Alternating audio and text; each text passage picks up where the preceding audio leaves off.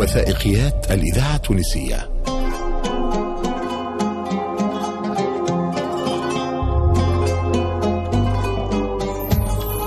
يا مكان. جامع القصر مدينة تونس.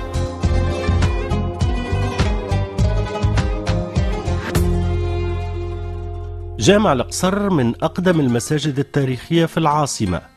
يعود تأسيسه إلى بداية القرن الثاني عشر للميلاد على يد الأمير أحمد بن أبي خراسان.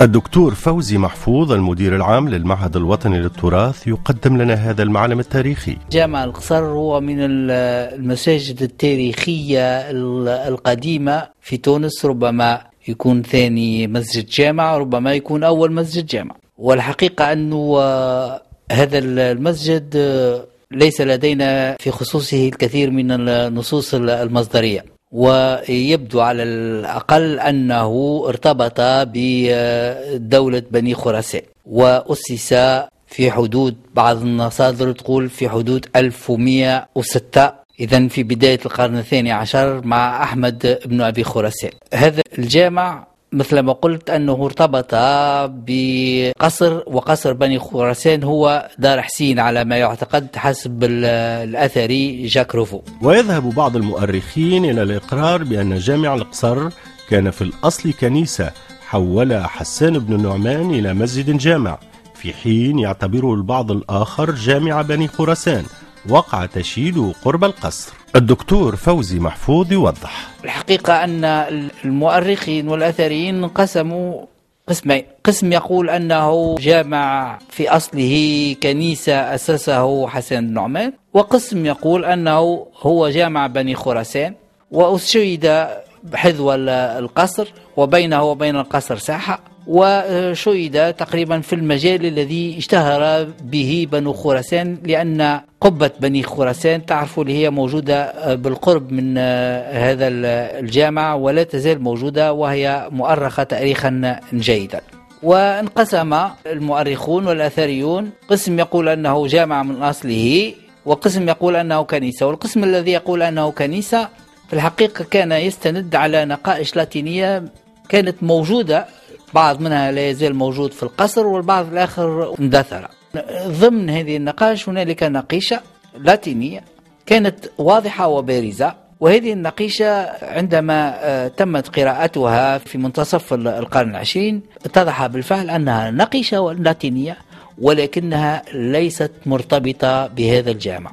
هي مرتبطة بكنيسة شيدت في مدينة أجاكسيو والنقيشة تتحدث عن بناء كنيسة أجاكسيو. والسؤال يطرح كيف استقرت نقيشة لاتينية من أجاكسيو في جامع القصر. في الحقيقة تبين أن النقيشة أتت إلى جامع القصر واستقرت في جامع القصر في القرن السادس عشر وهي من جملة الأشياء التي تم جلبها أثناء عمليات القرصنة. وتركت في ذاك الجامع باعتباره مخزن.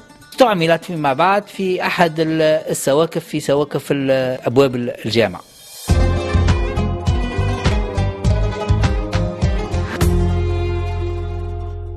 يتميز جامع الأقصر بخصائص معمارية فريدة ترجمت في جزء كبير منها عمق التدخلات المعمارية الحاصلة في المكان. هذه الخصائص المعمارية يحدثنا عنها الدكتور فوزي محفوظ. عندما ننظر إلى الجامع في الحقيقة هو جامع له خصوصية.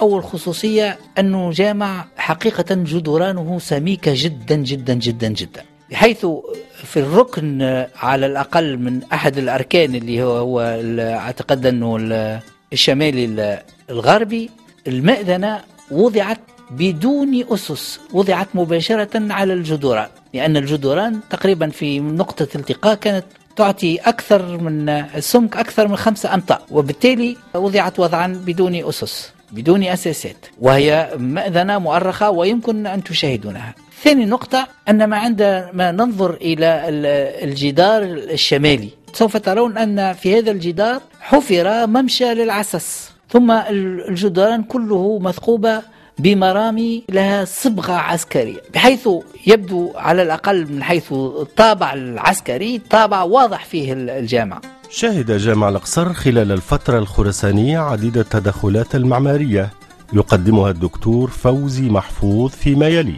والتدخلات الخراسانية واضحة على الأقل في ثلاثة مستويات. المستوى الأول هو مستوى بيت الصلاة ونلاحظ أن الجدران المحيطة ببيت الصلاة كلها سميكة كلها ضخمة كلها بحجارة مهندمة ومبنية بصلابة تلفت للنظر والأقبية وضعت داخل هذا المجال وتستند على الجدران الخارجية. هذه النقطة الأولى. إذا ثم فضاء خارجي ما نسميه إحنا بالدارجة الجبة. داخل الجبة وقع تقسيم الفضاء باستعمال أساطين كلها قديمة. ثاني حاجة المحراب آه، حفر في أحد الجدران. ليس مبنيا مثل ما هو معروف في المساجد السابقة. إذا هو محراب ضخم تقريبا علوه يفوق ثلاثة أو ثلاثة أمتار ونصف عرضه يفوق المترين. قليل السمك لأنه محفور في في الجدران. وهو نجم نقول من النمط الفاطمي الزيري الذي اشتهر وتواصل استعماله في الفترة الخراسانية.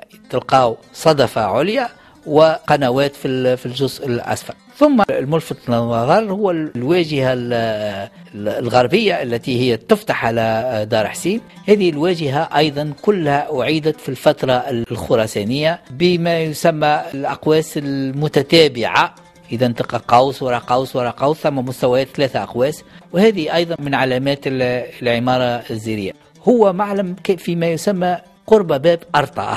باب أرطأة اليوم انتهى هو تقريبا باب منارة.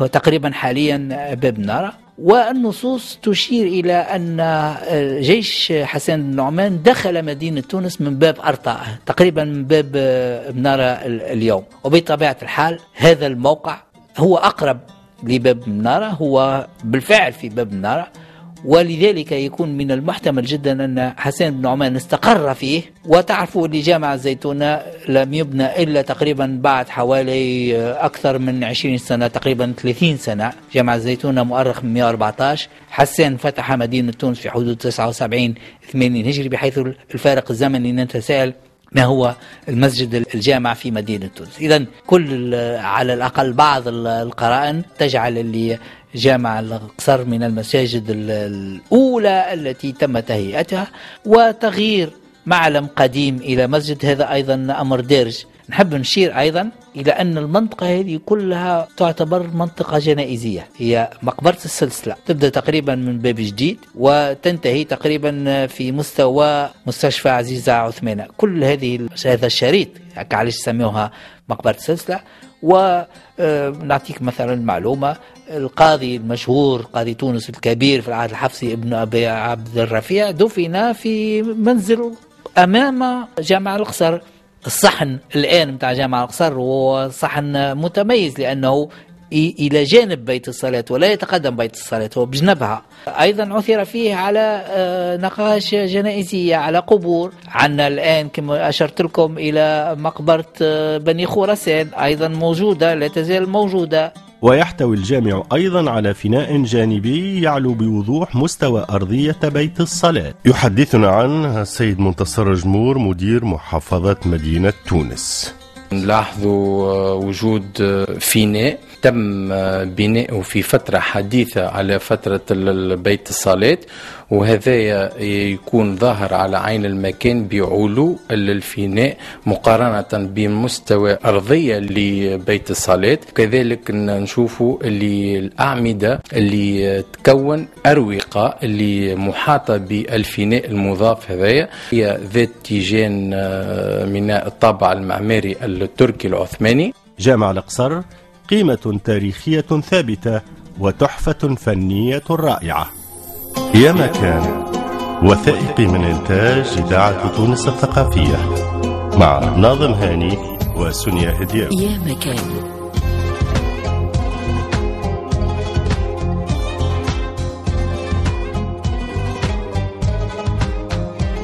إنتاج الإذاعة التونسية 2021